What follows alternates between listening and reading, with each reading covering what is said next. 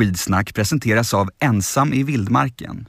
En ny serie med start 23 februari på Discovery+. Okej, vad säger du Stefan? Är du beredd? Jag är beredd. Du får börja. Jag börjar.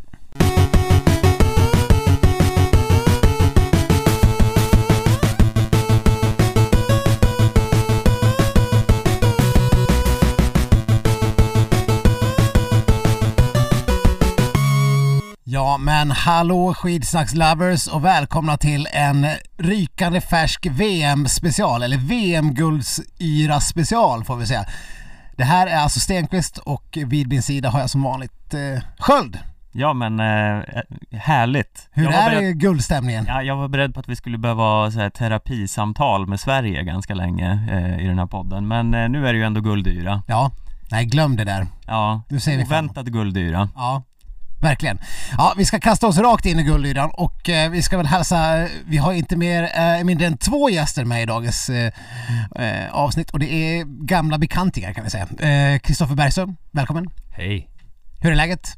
Du, jag mår väldigt, väldigt bra. Du ser sprudlande ut. Det, det är jag. Jag ser alltid lite så hålögd ut, men, men det är bara mitt utseende. Ja, du ser lite så här, lika sprudlande ut som att du precis har fått reda på att din farmor behövde göra någon rotfyllning eller någonting. Mm. Det, men jag hejar kanske på Maja lite. Jaha, det kan vara så.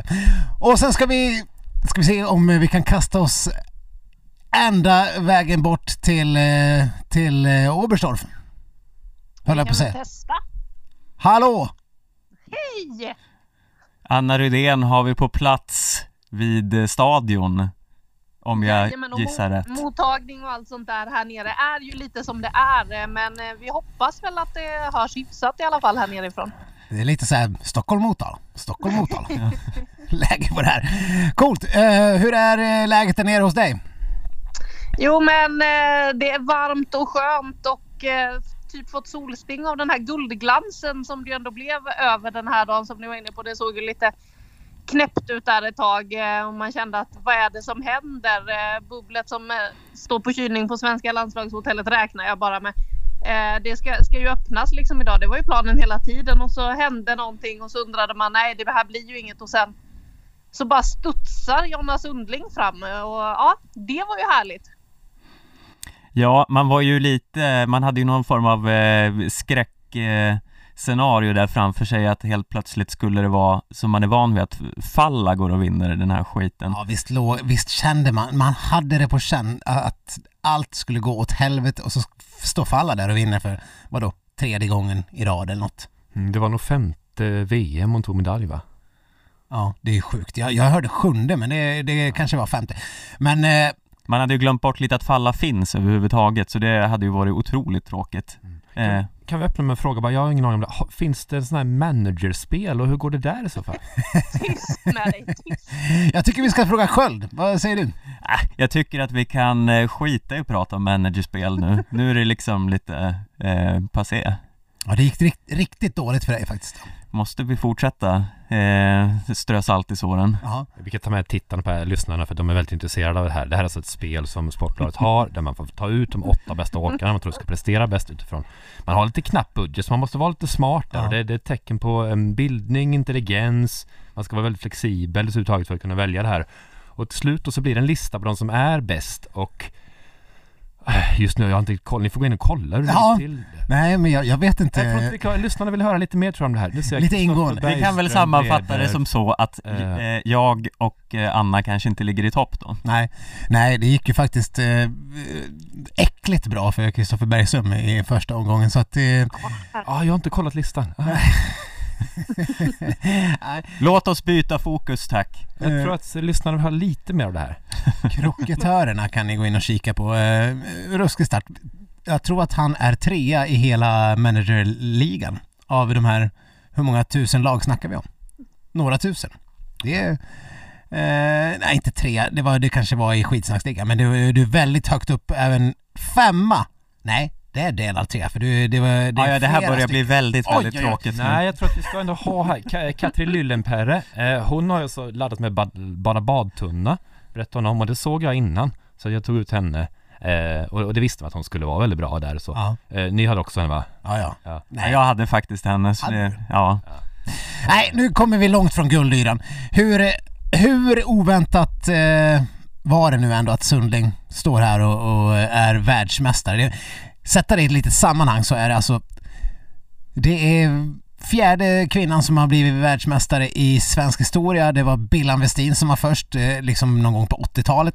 Sen snackar vi eh, Emelie Örstig 2005. Charlotte Kalla som man tänker sig har typ fyra, fem individuella VM-guld, men det har hon inte. Hon har bara ett. Ett ynka VM-guld. Hon har i och för sig två individuella OS-guld. Men sen kommer då Jonas Sundling och sällar till den här skaran. Hur stort är det, Kristoffer? Det är eh, megastort och det är ju överraskande. Eh, jag tycker inte att Linn Svans eh, fiasko är så överraskande. Jag tycker Maja Dahlqvist eh, är väldigt förvånad att hon är så dålig. Jonna Sundling har aldrig vunnit en klassisk sprint förut och så gör hon det just i det här sammanhanget och det tycker jag är värt att lyfta fram lite att när allt står på spel på något vis där och då har ju Sundling också två fiaskon bakom sig 2019 med hon kommer i toppform in på upploppet i finalen och ramlar och 2017 hon är sjuk och missar VM och, och det, lite så här, det var nu det skulle hända på något vis där och då gör hon det. Hon vinner ju inte eh, på målfoto. Hon vinner ju inte, det är ju inga små marginaler utan hon är ju så fruktansvärt mycket bättre än de andra. Och på en jättebred och tydlig bana på något vis så är hon bara mycket starkare och det hade inte jag sett men jag blev väldigt glad av det. Ja, hon krossar ju allt motstånd där. Eh, Anna, hur eh, glad var hon nere i mixed zone? Alltså hon var ju otroligt glad och när hon kom. Vi, nackdelen för oss är ju att vi står så otroligt långt bak i den här mixade zonen så hon har ju pratat med ungefär 107 journalister innan känns det som. Så att när hon väl kom till oss så var hon ganska tom. Men man såg ju på bilderna efter där när hon går i mål och först liksom inte fattar att okej, okay, det är verkligen så att jag har vunnit. Och sen så kommer ju Marcus Grate, varifrån vet jag inte. Jag hade inte sett honom på hur länge som helst. Då kommer han flygande som en kanon och ska kasta sig om henne och krama om och fira liksom. Och då ser man ju hur alla känslorna bara väller över henne. Man brukar ju inte se så mycket känslor hos Jonna Sundling annars. Hon brukar ju vara en av de här som liksom inte visar känslorna. På de andra kan man ju se det på en mils avstånd att okej, okay, här kommer Linn Svan och är sur eller glad. Johanna Hagström ser man ju inte på riktigt för hon ser ju alltid ut som att hon är gladast i världen även när hon kommer fyra och säger att hon är ja, Hon skrattar sig igenom hela intervjun efteråt trots att hon blev fyra. Det är ändå imponerande. Ja, hon kanske är tidernas gladaste fyra. Har ni någonsin det... sett en så glad uh, loser eller vad man ska säga? Men, men Anna, vad, du som har varit där nere och liksom eh, hängt med åkarna och landslaget och hört allt snack från plats. Det har ju varit så mycket Linn Svan, stor favorit, Maja Dahlqvist, stora utmanaren. Hur har det snackats om Jonas Sundling innan? Alltså det har inte pratats alls mycket om Jonna och heller med tanke på att hon har ju varit på pallen i de klassiska sprintarna det här året så jag fattar inte varför det inte har pratats om Jonna Sundling lika mycket men det har ju varit att Linn Svan brukar vinna jämt. När hon tar hon sig till final så vinner hon. Nu tog hon ju sig inte till final och eh, då blev det ju som det blev. Men nej, allt fokus har ju i princip varit på Linn och Maja och det känns som att de själva har satt sig lite i den situationen. De har ju själva lyft upp sig och liksom bara jag ska gå för medalj, jag ska gå för medalj. Medan Jonna lite tyst har sagt att ah, nej, men jag vill ju ha revansch från senast och jag, ah, nej, men det är klart att jag hoppas att det ska gå bra och att jag ska ta en medalj. Men det är liksom som att hennes röst inte hörs samtidigt som eh, Linn Svan och Maja Dahlqvist tar ton och det är lite märkligt faktiskt. Mm. Eh, vissa talar om skidsnackseffekten, Stefan. Ja, det tycker jag vi ska tala varmt om. Det, och eh, då kommer det ju gå lysande för Burman också när han eh, kliver in i, i matchen sen. Precis, eh, Jonna är ju, gjorde ett bejublat framträdande i skidsnack för förra säsongen mm. när vi intervjuade henne här. Men Kristoffer, eh, Jonna, vad är hon för liksom prick? Hon är... Hon säger inte så mycket i intervjuer vanligen. Man får inte ut så jättemycket av henne och det är kanske det eh, det är inte hennes forum riktigt två minuter i tv sådär. Och det är kanske är lite det som också spelar in, att man inte folk har riktigt bra koll på henne. Hon är ju aningen bättre fristil än klassiskt. Eh, hon är tydlig sprintåkare. Hon har inför den här säsongen höjt sin träningsdos ganska rejält. Hon har lagt på väldigt mycket intervallträning. Det var till och med så att hon gick lite över gränsen i somras och var tvungen att dra ner på det. Um, och hon är ju faktiskt den i det här VM-laget som har vunnit JVM-guld, U23-VM-guld och nu senior-VM-guld. Alltså någonstans så ser man henne lite som en doldis men till meriterna så är det ju inte så. Hon är ju faktiskt en av de mest framgångsrika vi har just nu. Mm. Om vi ska prata lite om eh, eh, det här fiaskot för Maja Dahlqvist och Linn Svan istället då. Är allt Kalle Halvarssons fel? Han eh, var ju där och la upp deras taktik lite grann, eh, pratades det om innan. Har du fått några rapporter om det, Anna?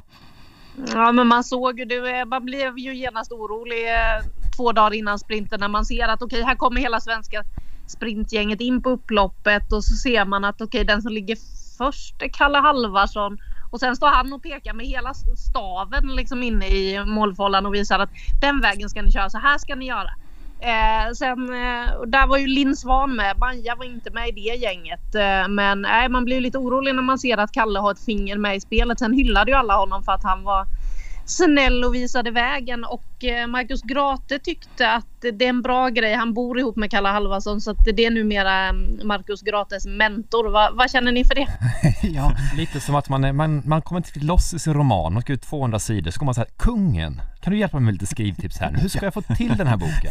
ja. ja, men just det är kul att Kalle får vara inne och peta just taktiska för man kan säga mycket om Kalle Halvarsson och hur han, hur han formtoppar och träffar prickar och donar. Men just taktiken i sprint har ju varit kanske hans sämsta gren rent historiskt. Eh, Sveriges kanske sämsta taktiker, så att eh, kul grepp ändå. Ja, och vi hade ju fler guldkorn här. Ni såg kanske Anton Persson som rusar som helvete i första klättringen, blir jättetrött här och har bränt alla krafter. det var så dumt taktiskt som ja. man inte tror det är sant. Kom, kom jättesist. Och sen då förstås Ja, du har nog... Ja, det var nog eh, samma sak som du var på väg att lyfta här, men jag är det Kalle som ligger bakom Oscars succétaktik där i finalhitet också.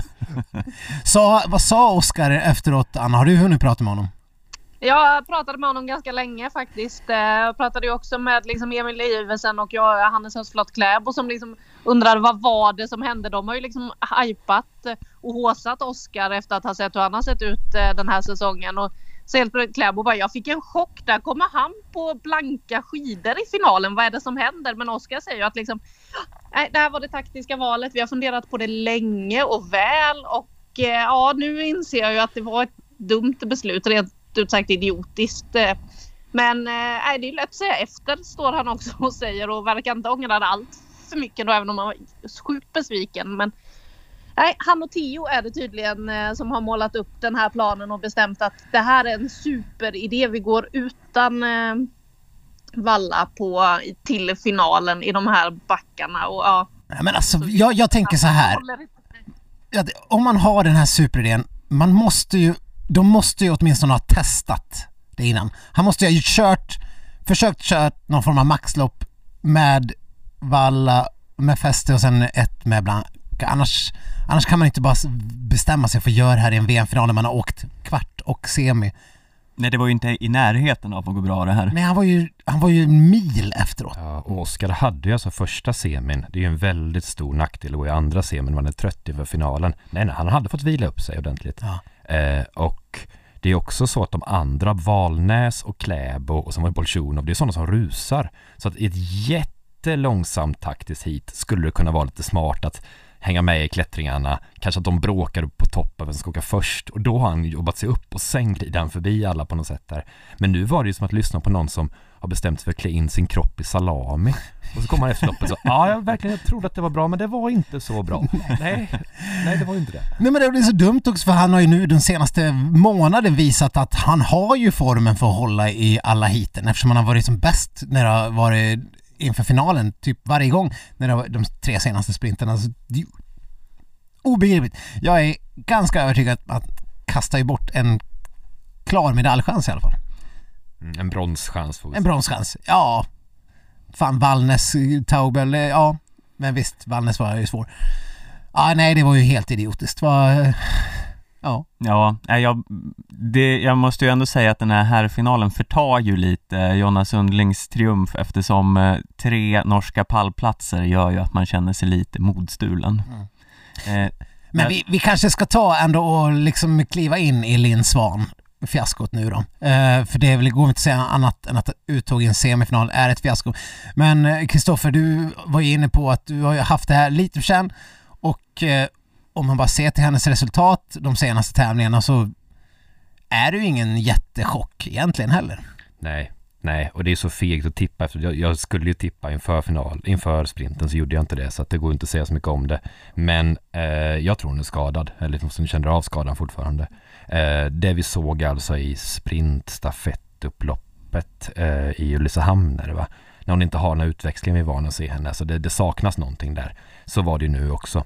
Och sen är det ju också så att Linn Svans styrka är ju att navigera i trånga passager, att vara smart, att vara lite stöddig och ta plats och sen växla upp. Här var det ju brett, de kunde nästan kört på 100 meter bredd och alla bara på rad, alltså så, det var ju var och en för sig på något vis här. Och, och i den sortens lopp så är ju inte hon riktigt bäst. Ehm, så allt sammantaget så eh, så är jag förvånad att hon inte gick till final, men jag är inte så förvånad att det inte blev någon pallplats. Nej, det, det känns ju nästan som att det är mer förvånande, som vi har varit inne på tidigare, att Maja Dahlqvist var så pass dålig. Eh, det, eh, för hon såg ut att ha tryck där på upploppet, men hon kom bara inte förbi. Blev hon bortvallad? Ja, det, ja hur gick snacket där nere Anna? Var det någon snack överhuvudtaget kring eh, vallan efteråt eller ville de inte prata om det? Alltså jag frågade ju Maja hur eh, skidorna kändes men man kan ju säga att Maja var oerhört besviken, eh, stod med tårar i ögonen och sen så står de ju med sina munskydd i mixade så att liksom man hörde inte alla de mumlande orden bakom de här kaffefiltrarna som man har framför munnen. Eh, men Nej, hon eh, visste inte om det hade något med skidorna att göra men trodde väl inte det utan var mest väldigt, väldigt besviken på eh, framförallt inledningen eh, av sin semifinal. Att hon inte är med från början och hamnar i en dålig position och att det är det som gör att det liksom skiter sig för henne. Ja, men det ska, man tycker ju inte att det ska kunna vara skidorna när man har Sundling som vinner en final överlägset. Då, då, det blir liksom lite motsägelsefullt att andra i laget ska, ska åka på skit. Men man fick ju verkligen intrycket av eh, under prologen på här sidan framförallt att där var vi ju efter och sen på tv så indikerar de att det var lite så här skräck och panik i vallalägret. Jo men... Ja det sprangs ju skidorna det gjorde det ju mellan eh, alltså från framförallt så blev man ju orolig när man såg den första kvartsfinalen när man ser Majken Kaspersen falla bara liksom försvinna iväg som ett skott ut för backen där och få hur stor plats och lucka bak som helst. Och där såg man ju att liksom, de tog de svenska skidorna direkt efter bak i målfållan och så stack de iväg med dem till Vallaboden men ändå så verkar det ju varit relativt lugnt. Jonna ska ju ha fått några superskidor inskickade av sitt skidmärke som landade i Tyskland igår. Oj! som hon skrev på idag. Det är guldskidorna. Det är ändå en bra story.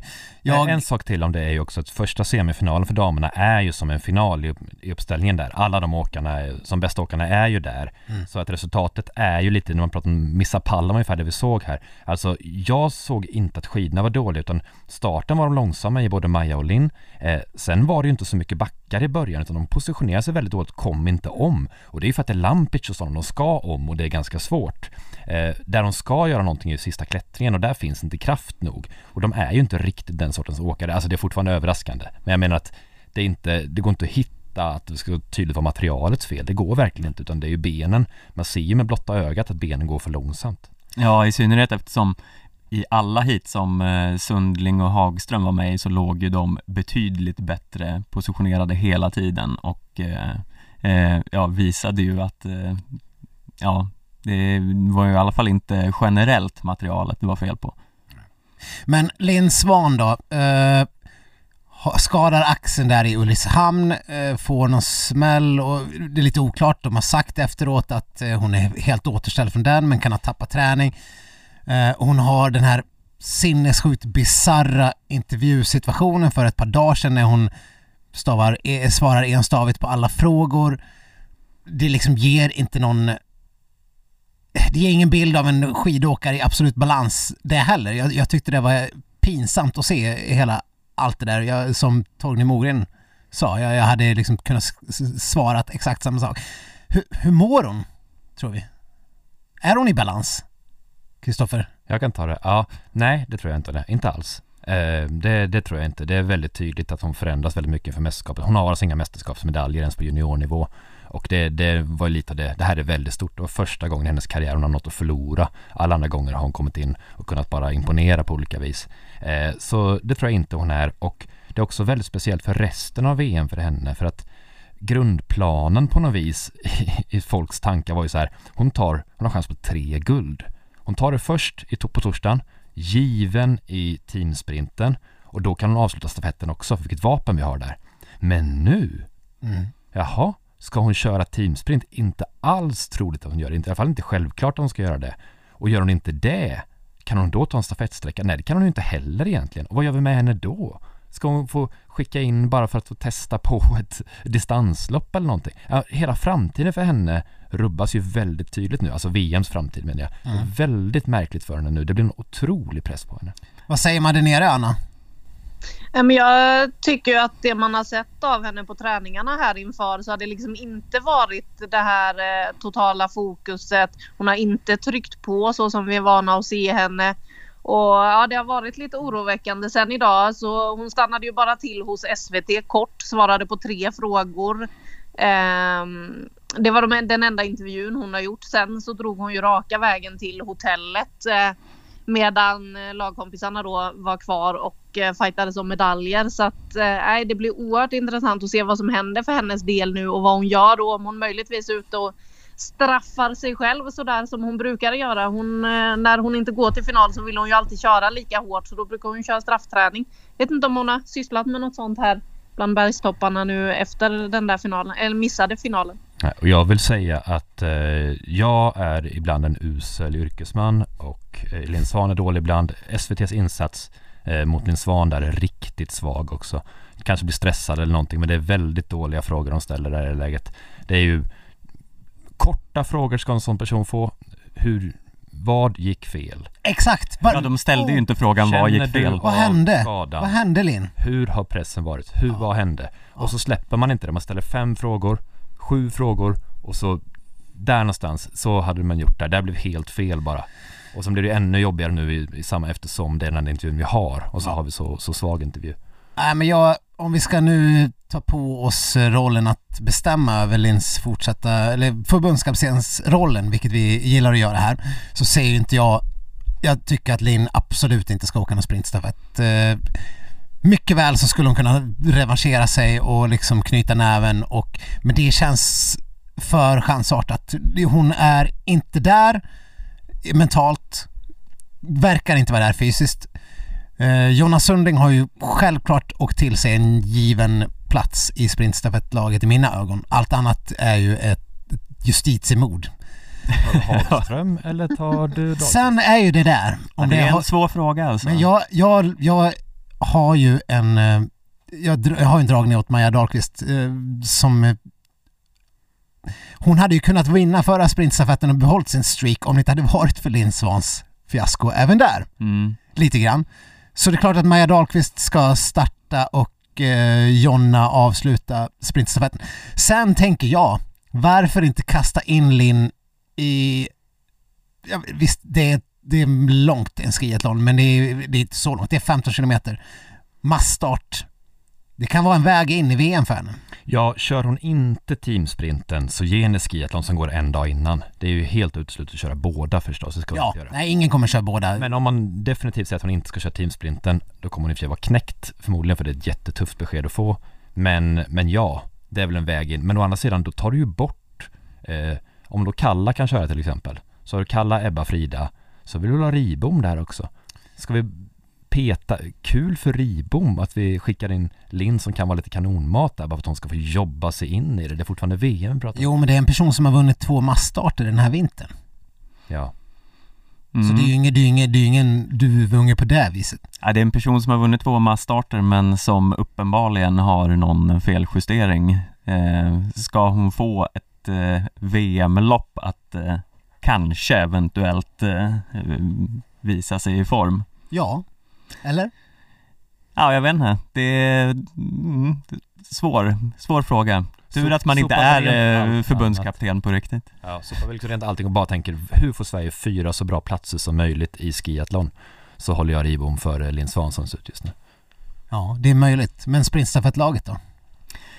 Ja, jag håller väl med. Jag skulle sätta eh, Sundling Dahlqvist tror jag. Eh, det är ju taskigt mot Hagström eh, som gör det bättre men jag vet inte, jag tror ändå att Maja Dahlqvist egentligen har det och vad som hände henne idag är lite svårt att förstå. Jag tror att hon egentligen kanske har det. Ja, men det är ju också lite så här, hon kan ju ha gjort fel skidval, även om hon inte syntes, det kanske såg ut att vara trött, men får man slita i, i några hit innan eh, så tar det ju någonstans. Och, och Maja Dahlqvist, eh, hon kan, det kan vara något sånt i en, i en fristilsstafett, eh, det spelar ju ingen roll. Har hon, har hon formen så, spe, så spelar ju inte materialet lika stor roll. Så att jag, jag, jag tror verkligen på Maja. Och Jonna, det vore, det vore faktiskt bedrövligt att inte låta henne få chansen. Ja, nej men det, den känns ju helt given. Allt annat vore ju en superskräll. Eh, men jag vet inte, jag antar att det in, kanske inte har börjat snackats eh, så mycket om det här nere på plats än eh, Anna, eller vad? har du något att Jo. rapportera? Det har det såklart gjort. Eh, när de kommer till oss eh, i slutet på mixade zonen måste vi ha lite frågor som kanske inte alla andra har pratat om innan. Och eh, Johanna Hagström fick ju då frågorna liksom om sprintstafetten och det är klart att hon är sugen på att köra den. Men hon berättade ju också att eh, till skillnad från då Dahlqvists streak som ju Linn Svan eh, då stoppade sist med vinsterna så har Johanna Hagström kört eh, en sprintstafett i sin karriär i Götalandsmästerskapet. ja. Hur gick det där? Ja, jag kommer inte riktigt ihåg vad hon sa hur det gick. Men nej, hon kände väl sig kanske inte riktigt som en eh, sprintstafettåkare. Så det kändes inte som att hon själv tror att hon kommer att få chansen i den där. Nej, rent historiskt vad Sverige har ju gjort är ju ofta slängt in en distansåkare. Charlotte Kalla har ju stora framgångar till exempel. Ska vi slänga in Kalla då kanske? ja, ja, ja. Nej, det ska vi inte. Men det ska vi väl ändå inte. Men och skiathlonen, eh, Anna, eh, alltså har du hört någonting där hur, hur snacket går? Eh, inte mer än att eh, såklart eh, Charlotte ska ju vara redo att köra och vill hon köra så känns det ju otroligt att hon inte skulle få göra det. Eh, Ebba och Frida ska ju också vara i form. Vi har sett dem dra på lite på stadion på träningspassen här i veckan och sen så får man väl nästan hoppas för Emma Riboms skull som då den åttonde tjejen i den här truppen att hon faktiskt får köra den där. Men vi får väl se lite imorgon. Dels så presenterar de ju laget vid klockan tre. Men innan det så kommer de ju vara och träna på stadion. Då får man väl kika vilka som testar det där med skidbyten och grejer. För det lär de ju ligga och nöta inne på stadion imorgon misstänker jag. Så att eh, ja, får väl hålla lite utkik där. Men jag tror väl att det blir de fyra som inte körde sprinten som kör. Ja, men och sen tänker jag Ribom har väl ganska god chans att få köra 10 kilometer på tisdag också. Så att hon, hon behöver inte stå helt lottlös ändå, Kristoffer. Nej, och eh, det här man låter inte folk köra för att vara schysst så funkar det inte på ett VM. Nej. Eh, du ska verkligen platsa, det ska verkligen vara stenhårt det här. Eh, så så är det ju. Men ehm, mm, ja, jag tycker det är klurigt. Jag har nog inga svar på vem som är fjärde åkare då utöver dem. Har du inga svar? Vad fan, varför tror du du är här? Jag vet. Jag trodde att jag skulle komma och vara trevlig och så. Ja, men innan vi släpper dagens VM så ska vi väl...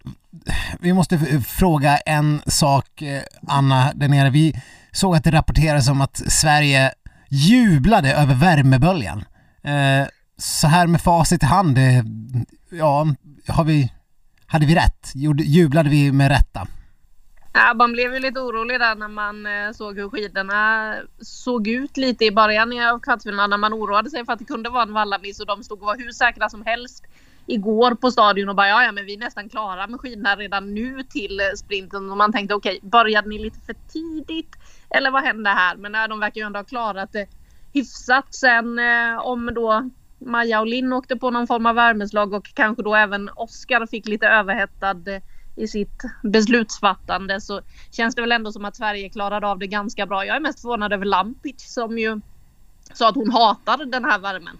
Eh, att eh, det är en chock och helst ska det vara ganska många minus. Eh, det uppskattar hon. Soligt får det vara men inte varmt. Så att, eh, att hon är på pallen, hon var nog gladast på hela stadion idag. Jäklar vad hon skrek. Mm. Eh, själv då, har du fått någon så här härlig munskyddsbränna än?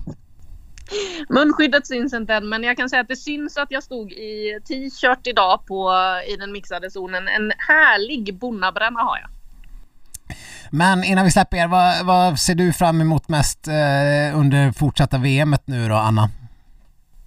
Eh, dels att se hur Linn Svan hanterar det här och vad hon kommer få göra härnäst. Om Ebba ska få ett VM som blir något annat än det hon hade i Seefeld. Hon kom ju in dit med väldigt höga förväntningar och misslyckades totalt. Och sen så hoppas jag ju att vi får se Maja Dahlqvist göra det hon gjorde i Seefeld, nämligen eh, stå och vara superledsen efter sprinten och sen jubla efter, över ett eh, sprintstafettguld och stafetten om en vecka och sådär också. Såklart, det finns ganska mycket att se fram emot. Mm. Och, och toppen av managerligan också. Ja, ja, ja, ja. det- Men vi har ju, hela studion här. Ja. vi har ju faktiskt glömt här det allra viktigaste som har hänt nere i eh, Oberstdorf.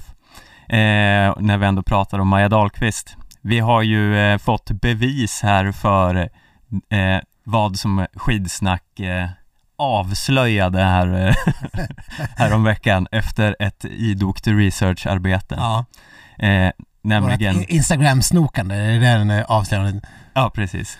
Eh, nämligen den här romansen mellan eh, Maja Dahlqvist och eh, Kevin Bolger som eh, kysstes öppet nere på stadion. Det här har vi ju nu sett bilder på. Jag gissar att Maja Dahlqvist inte var så kontaktbar kring det här, eh, Anna, eller vad, vad har du att rapportera? Nej, Maja var inte så sugen på att svara på sådana för hon stod ändå med telefonen sådär mixade så jag frågade vem det var hon messade med och sådär men då var det tränare Granat och eh, Frida Karlsson som var de som fick stötta henne precis efter där men Däremot så pratade vi ju med Kevin, eh, vår kollega Petra Thorén pratade med honom och han bekräftade ju då att de är mer än vänner och det var ju kanske mer än vad han behövde bekräfta efter vad man har sett på stadion dagarna fram till VM-premiären här för redan i måndags så åkte de två runt i princip hela passet eh, och kollade banan och sådär. Testade lite spurt och sådär och så då i eh, går tror jag det var. Så ja, dagen innan VM-premiären så helt plötsligt bara möts de mitt på stadion. Man ser liksom hur Maja, det ser ut som att hon åker runt och tittar lite och så här letar efter någonting och sen till slut då får hon syn på Bolger som kommer åkande rakt in eh, och bara kramar om henne och eh, pussar henne mitt på stadion. Så att eh, ja, så hemligt det var det inte så himla länge här nere. Det kan man inte påstå. Nej, det, det måste väl vara så att Maja har lyssnat på skitsnack förra veckan och insett att, att eh, the cat It's is out. out. of the bag så att säga. Mm. Ja, nej, det, man får ju, man kan ju inte eh, säga att eh, eh, det är något annat än en bekräftelse om man inför eh, världens samlade media eh, liksom, åker in i en eh, filmisk eh, kyss inne på stadion. Nej. Så ja, eh, vi får gratulera de båda eh, turturduvorna. Och hoppas att inte hela svensk-amerikanska lägret är coronakontaminerat nu för eh, hela VMs framtid. Ja just det, du får ställa eh, de skandalfrågorna till Maja där om hon tar sitt coronaansvar. Absolut, jag tar med det från skidsnack. Ja, det är bra. Du Anna, stort tack för att du var med idag och eh, lycka till eh, i Oberstdorf. Du får hålla fanan högt. Tack, tack. Vi hörs. Vi det. hörs. Och tack Kristoffer Bergström. Eh, vi ska snart prata ännu lite mera VM. Hunger, kyla och ensamhet är bara några av de utmaningar som deltagarna i överlevnadsprogrammet Ensam i vildmarken måste övervinna. Men har de vad som krävs? Det blir så himla kallt. Jag hade så gärna varit utan de här fruktansvärda mardrömmarna. Ingen sömn, ingen mat är inte hållbart. Jag har ont i fötterna, ont i händerna, ont i ryggen. Finns inte en chans att jag ger upp. Ensam i vildmarken ser du på Discovery+. Premiär den 23 februari. Eh, ja, vi har ju haft ett annat VM också som vi inte har hunnit summera riktigt. Nu känns ju det evigheter sedan. Ja, Men eh, vi måste ju ändå ta skidskytte-VM i mål, eller hur Viktor? ja, det det känns ju som att det var tre veckor sedan bara för att nu eh, har vi liksom gått flera dagar utan VM och man har fått någon form av abstinens. Eh, och sen kom vi rakt in i någon form av eh, sprinthysteri eh, och allting hände idag. Allting hände ju. Eh, Mm. Vi spelade in det här på torsdagen. Eh, och känslorna är precis som Jonas Sundlings all over the place. Mm. Eh, även för åtminstone mig. Eh, så då har man ju liksom lite grann förträngt att det har varit skidskytte-VM och att det var det bästa skidskytte-VM i, i historien. Ja, eh, det är lite sjukt att det var det bästa någonsin för man, så här, man minns ju bara slutet nu, att det inte gick så bra sista loppen på något sätt. Men eh, ja, nej men det är såklart, det var ju ett, eh, ett fantastiskt VM, får man ju summera det som. Men vad, ska vi, jag vet inte, ska vi gå igenom åkarna som var med och eh, sätt, ge ut lite äpplen kanske? Ja, Eh, det är alltid trevligt. verkligen. För er nytillkomna lyssnare som inte förstår eller har varit med med äppelbetyget tidigare så är ju det uppfunnet av Charlotte Kalla en gång i tiden eh, som eh, vid en fråga eh, på sin prestation eh, gav sig själv, eh, om det var fyra äpplen Mm. eh, och då tänkte vi att eh, ja, nu ska vi också dela ut äpplen. Självklart. Eh, ja, eh, vi börjar väl med herrarna tycker jag. Peppe Femling. Ja, ja vad ska man säga liksom? Eh, ja, vi ska inte säga så mycket, vi ska, vi ska liksom ge ett betyg. Jag Han- säger två äpplen. Ja, Och det får han på grund av sin felfria skytteinsats. Att det inte blir fler än, fler än två. Han att har han ändå- blev femtonde person. ja. Men han har en silvermedalj också med jag säger. Är inte det, är inte det något som... Nej, men nej, men jag håller ju helt med dig. Alltså det, det, det är knappt så att han får två. Han får två för att han sköt fyra nollor eh, i, i distansloppet. Men jag vet, inte, jag tveksamt. Vi kan ju vi kan ta Nelin också, det är lite samma där. Han, får, han kravlar sig också upp till två. Eh, bara för att han har ett VM-silver i stafetten. Mm. Men alltså vad är de för, vad är de för personer? Ja, ja det är, det är ett eh, inställningsproblem där skulle, skulle man kunna känna. Vi har ju varit inne mycket på det här med Kalle Halvarssons behov av idrottspsykolog. Men jag tror vi får bredda, bredda behovstrappan. Vi, eller Jesper Nylin och Peppe Femling verkar också vara i behov av psykisk stöttning. Nej men de har gett uttryck för att liksom Det är inte ens typ kul att vara på VM. Nej.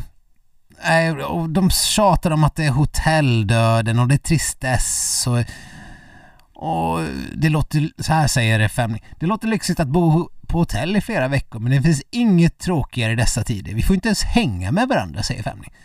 Men du är ju på ett jävla VM för i helvete. Förlåt, Mm. okej, jag vet att jag svär för mycket men jag blir så Jag- extremt jag irriterad. sanktionerar det. Jag blir så irriterad. Alltså, tänk dig Gunde säga det finns inget tråkigt, tråkigare i dessa tider, vi får inte ens hänga med varandra. Nej. När han, eh, alltså han vill väl inte träffa en enda person när han är på ett VM, han vill bara kliva in i någon form av liksom laddningsbubbla och trycka skiten ur sig i varenda lopp och inte bara vara nöjd med att vara på plats. Nej men också, det är ju inte som att det är något unikt tråkigt för dem. Alla har ju skittråkigt nu så Ja, hur de kul, får hur alla kul som vara att vi har VM. hur coolt, Agda, 90, som har suttit på si- sitt äldreboende och tryckt i ett år. Mm. Hur roligt har hon det? Nej, ja, hon har det garanterat inte lika roligt som Jesper Nelin i alla fall. Nej, ni får ju åtminstone vara ute i friska luften. Nej men den här inställningen, alltså herregud. Ja, ja. Ja, nej det är mm, för dåligt. Eh, så av rena farten så delar jag ut ett äpple till Jesper Nelin. Ja, jag måste nämna, det var ju våran kollega Andreas Käck som har varit där nere och eh, eh, rapporterat under mästerskapet. Han skrev en krönika där han pratade om Nelin och, och beskrev ett möte med, när han frågade hur, hur det var. Bara, nej, det är inte bra. Det är bara tråkigt. Och eh, liksom peppa upp er lite grann för fan. Ja, nej. Knappa två. Det är två opolerade äpplen. Mm. Två polerade till Femling, ett till Nelin, för han gjorde ju inte mycket. Och de var ju inte liksom så här superimponerande i stafetten heller, men Nej. nej. Ja, vi går vidare. Vi går vidare. Martin Ponsiluoma. Eh, Ja, ja. Det, det finns ju inga andra betyg än fem äpplen. Nej, det är klart han får fem äpplen. Det eh, har man tagit VM-guld så har man. Man ska göra något eh, rejält över Trump sen. Man ska få fan för det. Ja, det var väl inte som att han, eh, att han eh, spred solsken och diamanter runt sig efter. Nej, nej, men det är ju ändå ett eh, get out of jail free card Ja. av ett VM-guld tycker jag. Ja, och två... I ett individuellt. Har man ett i stafett kanske man kan bli lite, få lite skit ändå. Ja, men sen har han också två stafettmedaljer. Ja. Eh, Så det är väl klart att det är en, en- en oerhörd su- succé för Mm. honom. Ändå. Mm. På det, om vi tar Sebbe Samuelsson då, eh, han fick ju fyra medaljer Ja, och eh, han hamnade ju i ett, eh, en liten beef med Tarjei Bö ja. som tyckte att eh, det var fånigt av Sebbe att eh, vifta med en flagga när de kom eh, tvåa i stafetten. ja, och här har vi lite delade meningar. Du, du är lite på Tarjei-Bö-sidan nu. Eh, är jag? Jag tyckte du gjorde, gav uttryck för det. Ja, Jag tyckte att eh, det är svårt att komma kan, ihåg vad man tycker i alla här lägen. Sebbe kan väl få vifta lite med en flagga, tänkte Eh, jag. Ja, alltså det kan man väl absolut få göra. Eh, det håller jag med om. Men eh, ja, det är ju ja, kanske lite ändå så här. Eh, jag vet inte. First loser är ju andra platsen annars. Ja, Men, Eh. ja, nej, herregud, jag, jag, det, var, det var ändå starkt. Och jag, jag förstår ju att, alltså, något jag har märkt med Sebastian Samuelsson, han är väldigt egocentrerad. eh, jaså, vad? Ja men alltså när det var efter sprinten det vanliga när, när någon svensk gör en, jag vet inte vad han var vid topp 10, jag gjorde en okej insats eh, men bommade något skott där och, och missade att ha, ha chans på eh, absoluta topplaceringar. Och, och då i intervjun efteråt så var det ju väldigt mycket fokus på det och eh, sin egen insats och hur det kändes. Så ofta i sådana där situationer det brukar man ju, men eh, ah, Martin Ponzi, nej, jäklar vilken grej och jag gläds med honom. Han, han, han tar aldrig upp sånt eh, i intervjuer utan eh, eh, det var ju, det fick komma på en fråga och jag förstår, man, man tänker ju förstås själv på sin egen insats först och sin egen besvikelse. Och- Men det där går lite grann igenom. Eh, varenda gång han har gjort något bra, då stoltserar han också där i intervjuer direkt. Ja, det där, jag var jävligt bra idag. Ja, han är inte sen att och, eh, hylla sig själv. Det där gjorde det- jag riktigt bra. Ja, men det är väl ändå ganska härligt eftersom ingen gör så. Vad hände med jantelagen? Gäller inte den längre eller? Du tycker att han skulle hylla Valla-teamet istället som alla åkare gör? Nej, men- Grattis till segern idag! Ja, nej, det var Valla-teamet. De borde få medaljen. Nej, men jag vet inte. Jag, jag kanske bara är ovan att... Eh, men eh, men det- jag, det var bara något jag ville lägga fram där, att jag, att jag märkte först nu. Mm, Att han gillar att prata om sig själv väldigt mycket. ja. Det är liksom när han skulle nästan kunna prata om sig själv i tredje person tror jag. Mm. Vilket jag hade älskat av en skid, eh, eller skidåkare om man börjar göra det. Ja, ja det, någon måste vara först med det. Det ser jag fram emot. Det känns ju som Linn Svan är, på väg där någonstans. Ja, jag, jag eh, hoppas ju på framtidsnamnet Truls Gisselman. Mm. Eh, han känns som att han skulle kunna prata i tredje person bara Ja. för att han har ett sånt eh, Namnet ger en sån aura Ja, ja visst. Eh, Äppelbetygen. Vi gav eh, Samuelsson, alltså det, det borde ju förstås vara fem. Men eh, jag vet inte, K- kanske vi ska stanna med fyra för alla de här mixed stafettmedaljerna, eh, medaljerna, ah, de är inte värda lika mycket. Sen gjorde han ju förstås en eh, sinnessjukt bra eh, stafettavslutning, bara sista sträckan. Men det är ju lite på den nivån vi vill att han ska vara också. mm. Sen är det ju helt osannolikt bra att komma iväg med fyra medaljer så det vore ju lite sjukt att ge honom fyra äpplen. Men jag, jag, jag är fortfarande lite så här.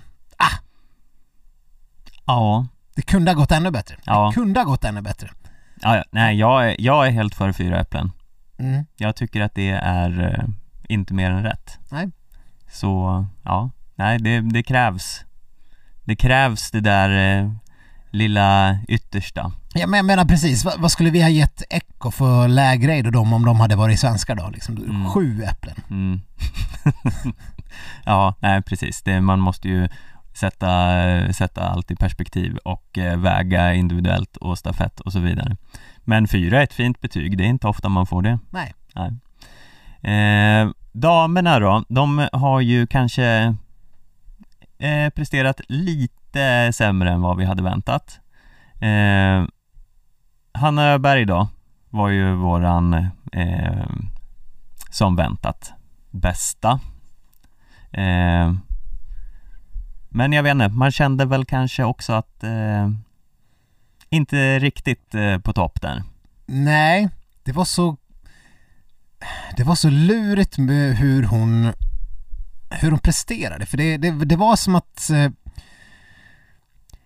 man fick intrycket av att hon inte riktigt visste vad hon hade i kroppen från dag till dag. Det var inte som att hon kom in i mästerskapet med liksom eh, 10 ton överskottsenergi och liksom eh, att, att benen bara sprutade iväg hela tiden. För det, var- det var som att eh, man fick intryck av efteråt att hon, ja, idag var inte dagen och sådär. Är man i superform så är ju alla dagar dagen. Mm. Och det var hon ju verkligen inte. Så det är ju väldigt imponerande att hon gör ett så pass medaljmässigt bra mästerskap ändå. Mm. Men det kändes inte som att hon var riktigt där, det man ville att hon skulle vara. Nej, och det, jag tycker det är lite, det, det här gäller ju för många i den här truppen, men jag tycker det är lite konstigt att de hade sån eh, jojo-åkform. Eh, det kändes inte som att det, man kunde se några tydliga trender fram och tillbaka. Det var lite så här från dag till dag hur, eh, hur snabba de var. Eh, och ja, nej jag vet inte. Men hon har ett individuellt silver. Mm. Men jag, vet- jag vet inte, om man ska jämföra med Sebbe så känns det ju liksom, Ja, nej, nej, det här är ju tre äpplen. ja, Mm. Eh, det vi, Hanna kan vi ju också sätta lite högre Ja, krav på som vår liksom- största stjärna som har medaljer från allt. Eh, Ja.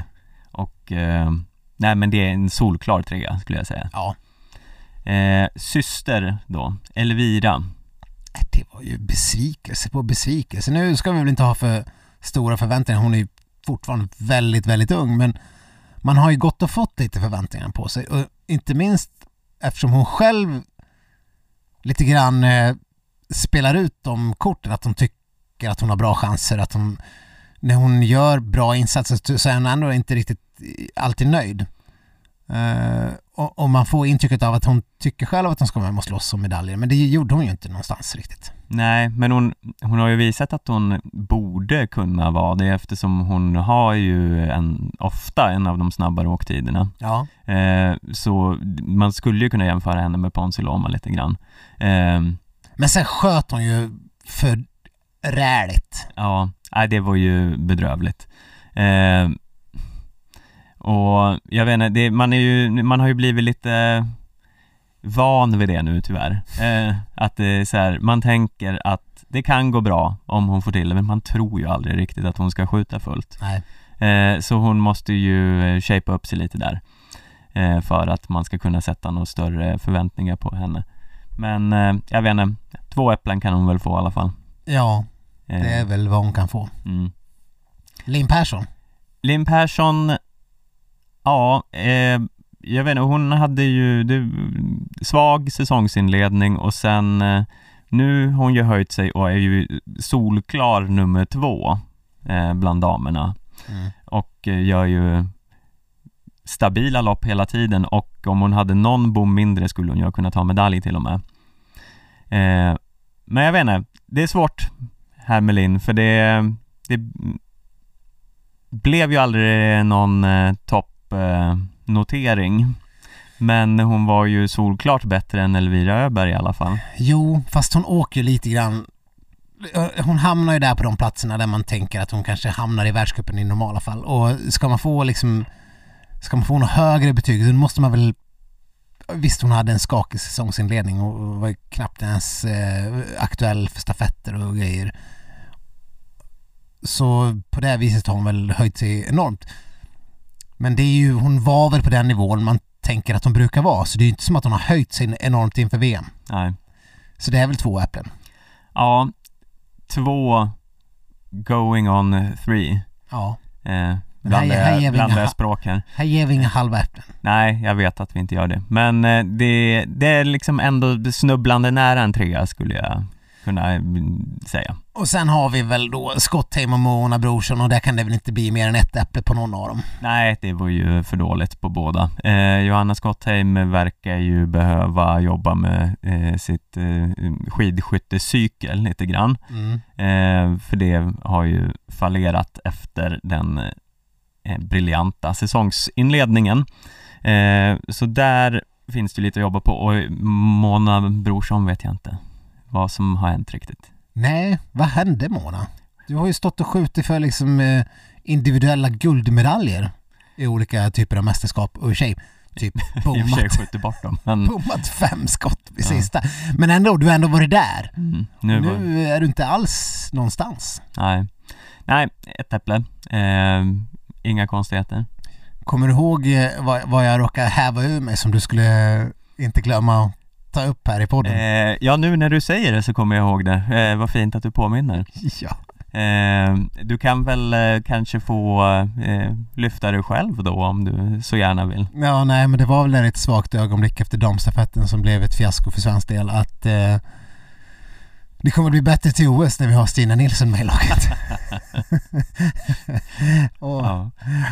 Ja, Ja, med tanke på hur du uttalade dig tidigare den här säsongen om Stina Nilssons kvaliteter som skidskytt så men jag har ju varit lite att av du en... Jag, har ju- vände kappan efter vinden ja, lite. verkligen, men det gör jag verkligen. Jag har ju varit en jojo-supporter till Stina Nilssons skidskyttekarriär Mm. eh, ända sedan den började. Jag var ju helt övertygad om att hon skulle inte gå in i det här utan att vara helt säker på att hon skulle kunna nå världstoppen för det känns inte som att det skulle vara hennes grej och harva runt. Och sen började hon att harva runt riktigt, riktigt ordentligt. Sen har hon ju liksom, eh, sen har hon ju shapat upp sitt game Mm. eh, och sen till och med fick en eh, väldigt oförtjänt stafettpall Mm. där hon var icke bidragande orsak till att eh, det blev en, en eh, bra insats. Men eh, nej, jag vet, nej. Hon lär väl inte, ja. Jag har svårt att se henne på ett OS om ett år. Ja, men jag vet inte, jag som eh, är den positiva i den här eh, studion då Även om du öppnade väldigt positivt här med att Ja men å andra sidan, henne. eftersom Mona Brorsson och Scottheim var så jäkla kassa nu så eh, då, då är väl alla möjligheter. Men, Ja men alltså jag, jag tror ändå lite på Stina igen för nu, hon visar ju att hon uppenbarligen kan åka eh, snabbt eh, och eh, mäta sig där även med skyttemomentet. Sen håller ju inte skyttet då.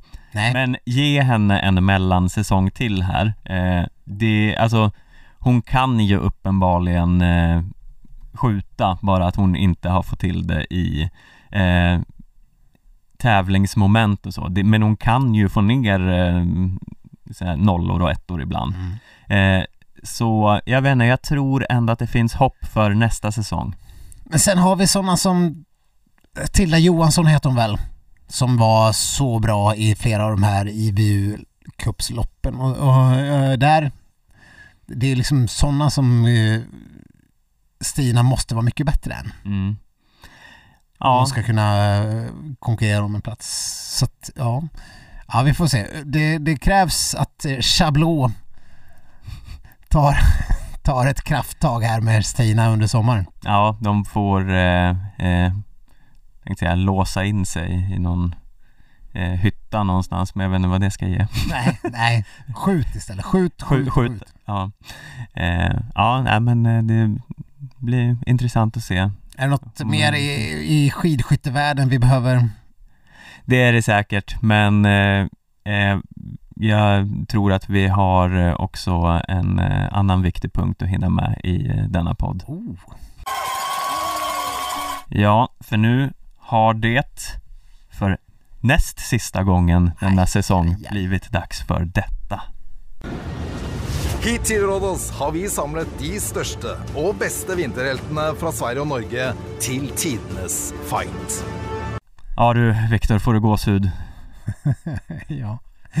ja, jag förundras fortfarande över att vi har förra årets eh, signatur men eller förra årets, var det ens förra årets? Eh, ja, Ja. det har bara pågått i två år det här. Eller det har pågått, vi hittar ju att det faktiskt har pågått för länge sedan det här programmet typ också. så här 15 år sedan, eller 10 sändes det också. Eh, med lite mer oklara deltagare. Ja, Ja. Eh, nej, men eh, här, det var ett konstigt avsnitt alltså. ja eh, det är så konstigt eh, att jag knappt minns det nu, men får väl göra ett försök. Det Ja, var, men först så skulle de ju, det var någon form av mag eller ryggövning, mage var det väl. De skulle hålla, hålla sig upp. De hade valt helt olika taktik. Svenskarna hade böjda ben, nor, norskarna hade raka ben.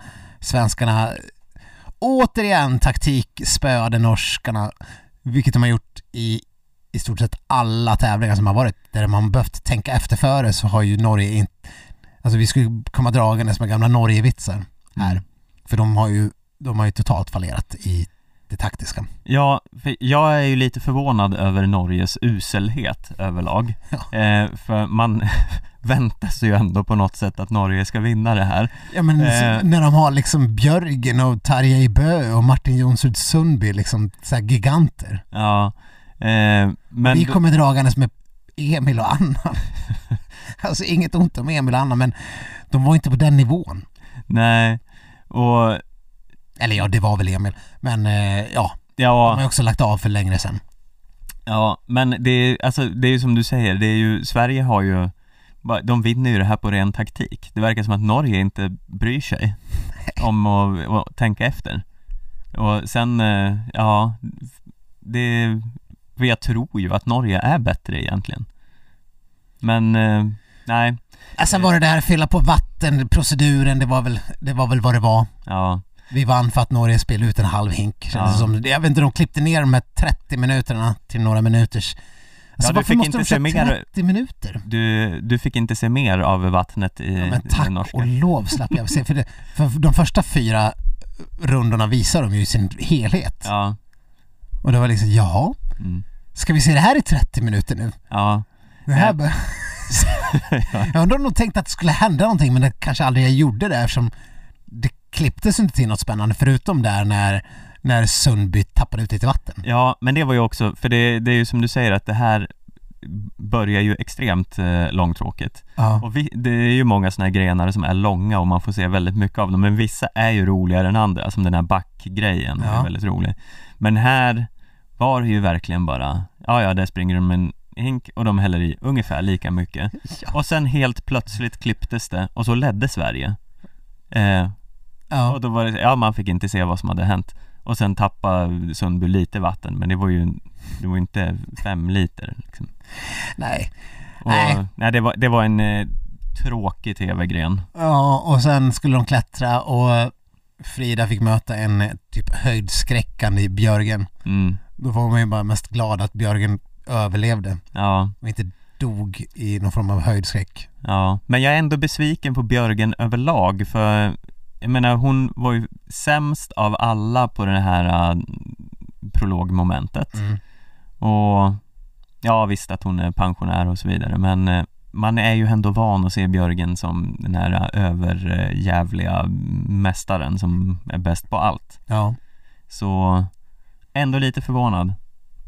Eh, Ja, nej, det är bara att hålla med. Eh, sen att hon inte kunde klättra högre än Frida Karlsson kunde vilken idiot som helst räkna ut. ja, ja. Och Frida Karlsson är ju lite så här, hon spelar ju en liga för sig i det här programmet. Hon, Alltså hon är vad ju bäst på allt. för psyke egentligen? Hon, hon är ju helt, hon är helt sjuk. Ja, Alltså jag, nu när jag tänker, alltså, men jag är i och för sig sådär, när, jag, kollar- när man ser sån här video på YouTube när de typ är uppe i skyskrapor och står på händer och, och springer och hoppar i, i någon sån här två mils byggnad i Ryssland eller Dubai.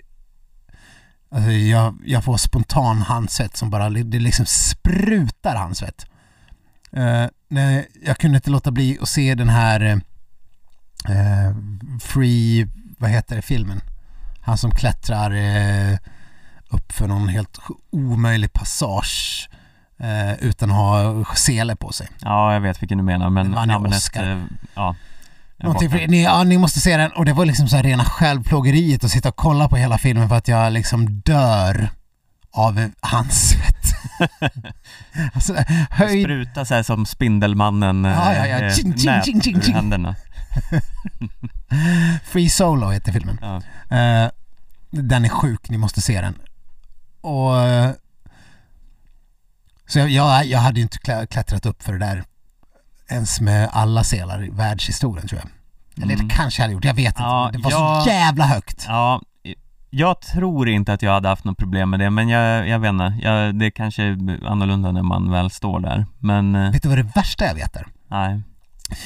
Eh, du och jag var en gång i, i Sears Tower. Ja. Eh, eller heter det det? Willis Tower. Nej, I ja. Toronto. Ja. Tornet i Toronto i alla fall. Tornet jag har glömt vad det heter. Och då hade de eh, det här, eh, ett sånt golv med gla- av glas. Ja, det är obehagligt. Och så ska man gå ut och stå, alltså jag vägrar. Jag vägrar stå på ett golv av glas 500-800 meter upp i luften och kolla ner. Alltså, det är så jävla vidrigt. Mm. Det finns ju i Grand Canyon finns det en liten sån Alltså, glas... mi- mina eh, händer är dyblöta just nu bara. Fy fan. Nej men där finns det ju en liten sån här glasgång man kan typ eh, vandra ut över. Alltså, den som kommer på sådana här idéer och sådana här, såna här pooler som har glasbotten utöver typ Grand Canyon. Mm. Så, ja. ja, nej, det, det, det borde vara förbjudet. Inga andra ska heller få göra det för det är så dumt bara. Ja. Eh, ja, du får propagera för det här i några nå kanaler. Jag vet inte Ja, riktigt hur, vad du kommer få för gensvar, men Skit i det! mm. Eh, och sen eh, vann ju då Sverige och nu leder vi med 50 sekunder och det ser ju upplagt ut för en, eh, en svensk seger i det här till slut. Eh, nu har vi inte riktigt fått reda på hur den här jaktstarten ska se ut. nej. Men de kommer väl göra det spännande på något sätt. Ja, eh, jag känner att eh, så länge Frida Karlsson får dra det tyngsta lasset så vinner Sverige, men det beror ju på hur den är utformad. Var det något i känslopjunket som du tar med dig vidare?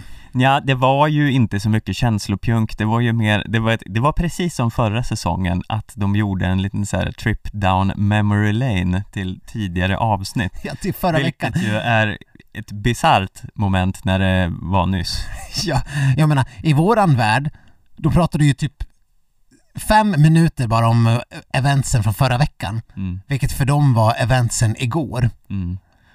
Och minns du när vi, när vi drog bilen upp för backen och du blev så trött? Ja, det var ju, ja, det var Och så ju igår. dramatiska inzoomningar på en trött Theodor Pettersson. Mm. Och har du någonsin blivit så här trött? Nej, det har jag inte. Men det, det där frågan är ju förra veckan också. Om du någonsin har blivit så rädd. Det här har vi redan gått igenom.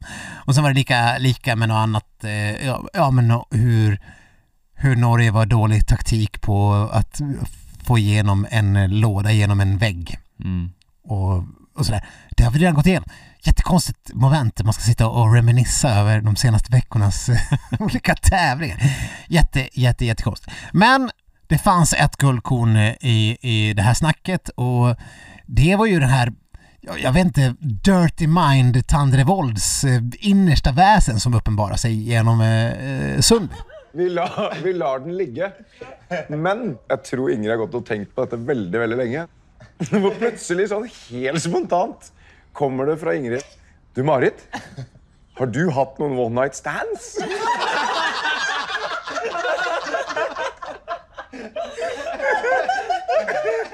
Ja, ja, hon, eh, Ja, Tandrevold, eh, hon verkar inte ha annat än snusk på hjärnan. verkligen. Eh, Så, så bisarrt att fråga. Alltså, jag vet nu, återigen, jag vet inte hur mycket de visar i svenska, men det var ju väldigt mycket, hon fick ju förklara det här väldigt mycket eh, i den norska versionen åtminstone. Jaha, nej det, det, man fick inte se så mycket Jo men hon förklaring. förklarade, hon hade ju liksom, hon hade ju frågat Björgen allting eh, om träning och träning och dittan och dattan och liksom hon, hon, hon tyckte hon hade uttömt alla frågor som fanns. Eh, så då hade väl liksom det varit den här frågan som åter, återstod någonstans. Om hon har haft en one night stands. Eh, och, och Bö, Taire, Tai, Tai, Tarjei. Tarjei, vilket jäkla namn att uttala. Säg det fem gånger snabbt. Tarjei, Tarjei, Tar- nej det går inte. Eh, han spelar upp en scen hur, hur eh, Thunderbolt satt där med en, en, liksom en bok med frågor och till slut vände upp sista sidan och bara ja, just det. Och sen hur var det med dina one night stands? Eh, och sen, sen fick ju Petter såklart, Petter Northug var ju den som drog det klassiska grabbskämtet om att innan de, innan de bordlade den här diskussionen bara Ja men hur var det nu då Marit? Eh, hur, hur var svaret? Fick ni se det? Nej, det fick vi inte. Och eh, Marit fick eh, replikera att äh, det får vi ta på hytta. Mm. Eh, men det var ju liksom väntat att grabb eh, fuckboyen Petter Northug skulle ställa den frågan. Ja, för er som inte fattar snuskreferensen så pratade vi förra veckan om Tandrevold och Eckhoffs blogg där de pratade om Podd. Sh- podd? Mm. Sa jag inte podd? Du sa blogg. Blogg ja. Mm, Man helt annan pratar sak. inte blogg, hallå. Farfar. Rätt, rätt ska vara rätt. om Emilien Jacquelin som är skidskyttevärldens största fuckboy. Det är det enda jag tänker på när jag ser honom i skidskytte numera. Åh, där kommer fuckboyen. Ja. Ja, men våra skidskyttekunskaper de eh, begränsas väl till att diskutera sådana oviktigheter också. Mm. Så att, vad ska vi göra? Men det var väldigt kul. Eh, Tandevold, eh, hon får liksom ta sitt mind from the ne- nether regions of people, man. Mm. Sjukt. Ja. Men sjukt kul fråga att ställa till Marit Björgen. Undrar, undrar vad de tänkte där. Mm. Men en sak som eh, den, det här programmet eh, gör, det är ju att eh, man håller lite mer på vissa norskar än andra när man tittar på skidskytte. För eller hur, när eh, vi satt och kollade på det här loppet på varsitt håll, det eh, Massstarten. Mm. så höll inte du också lite mer på Tandrevold än på Eckhoff och Röiseland? Jo, Och lite mer på Tandrevold och Eckhoff än på Röiseland. jo. Jo, absolut. Eh, ja, och Echo var ju med förra året. Mm. Uh, Tandrevold i år. Jag, jag, jag skickade ju också en, en, en alternativ teori till dig om det här. Mm. För uh, Röiseland har utseende som påminner om den elaka styvsystern i en Disney-film. Det här, förlåt, vi ska inte prata om kvinnors utseende men alltså ni vet eh, Askungens elaka systrar. Mm. Hon har drag som på, drar ditåt och, och då kanske man blir och eh, känna ett allmänt, eh, eller så är det bara att vi har bara lärt känna de andra. Ja, jag tror att Röiseland kommer vara med i nästa säsong av Sverige mot Norge och då kommer eh, Då kommer man hålla på henne istället. Ja, Jag hoppas, ja, jag tror också att det hade ett stråk av att Röisland var så otroligt framgångsrik i förra VM. Så Mm. att eh, någonstans fick det väl ändå räcka. ja man, eh, man kanske inte unnar henne eh, till framgångs-VM lika mycket. Nej. Och, och Tandrevold, hon är ju så rolig. Mm. Hon, hon känns ju som helt bortkommen ibland. Det, är ju, det är ju väldigt roligt. Mm. Eh, men eh, annars så säger jag bara eh, Elchocker, det är nog nu. Eh, behöver inte säga något mer om det känner jag. Nej, det ska bli kul att se nästa vecka. Så Mm. spännande. De, det kanske är en elchocksjaktstart de ska ta sig igenom. Ja. Vem vet. Eh, men ja, eh, med det ska vi väl packa ihop den här eh, eh, säcken för denna vecka. Ja, det kanske blev en liten lång VM-special. Mm. Gl- Glädje-guld-special, men eh, det får ni leva med. Och vi får se. Vi lovar ingenting, men det kan hända att vi dyker upp om det sker storartade saker. Mm, kanske lite tidigare alltså än eh, som vanligt eh, nästa vecka. Eh, men det låter vi vara osagt. Eh, ni får leva på hoppet. Precis, och kom ihåg att ändra era lag i managerligan och för er som fortfarande har lite fokus på våran ursprungsfantasyliga så kan vi ju nämna att både jag och Stefan helt glömde att ta ut lag. Det var ju ett fiasko, men vi hade lite för mycket fokus på Aftonbladets fantasyliga. Så att, men nu ska vi ha fullt fokus på allting samtidigt. Så kontakta oss gärna på Instagram, eh, DM där, Facebook eller skriv till skidsnack.aftonbladet.se så hörs vi vad det lider. Det gör vi. Ha det fint. Hej då! Hej då!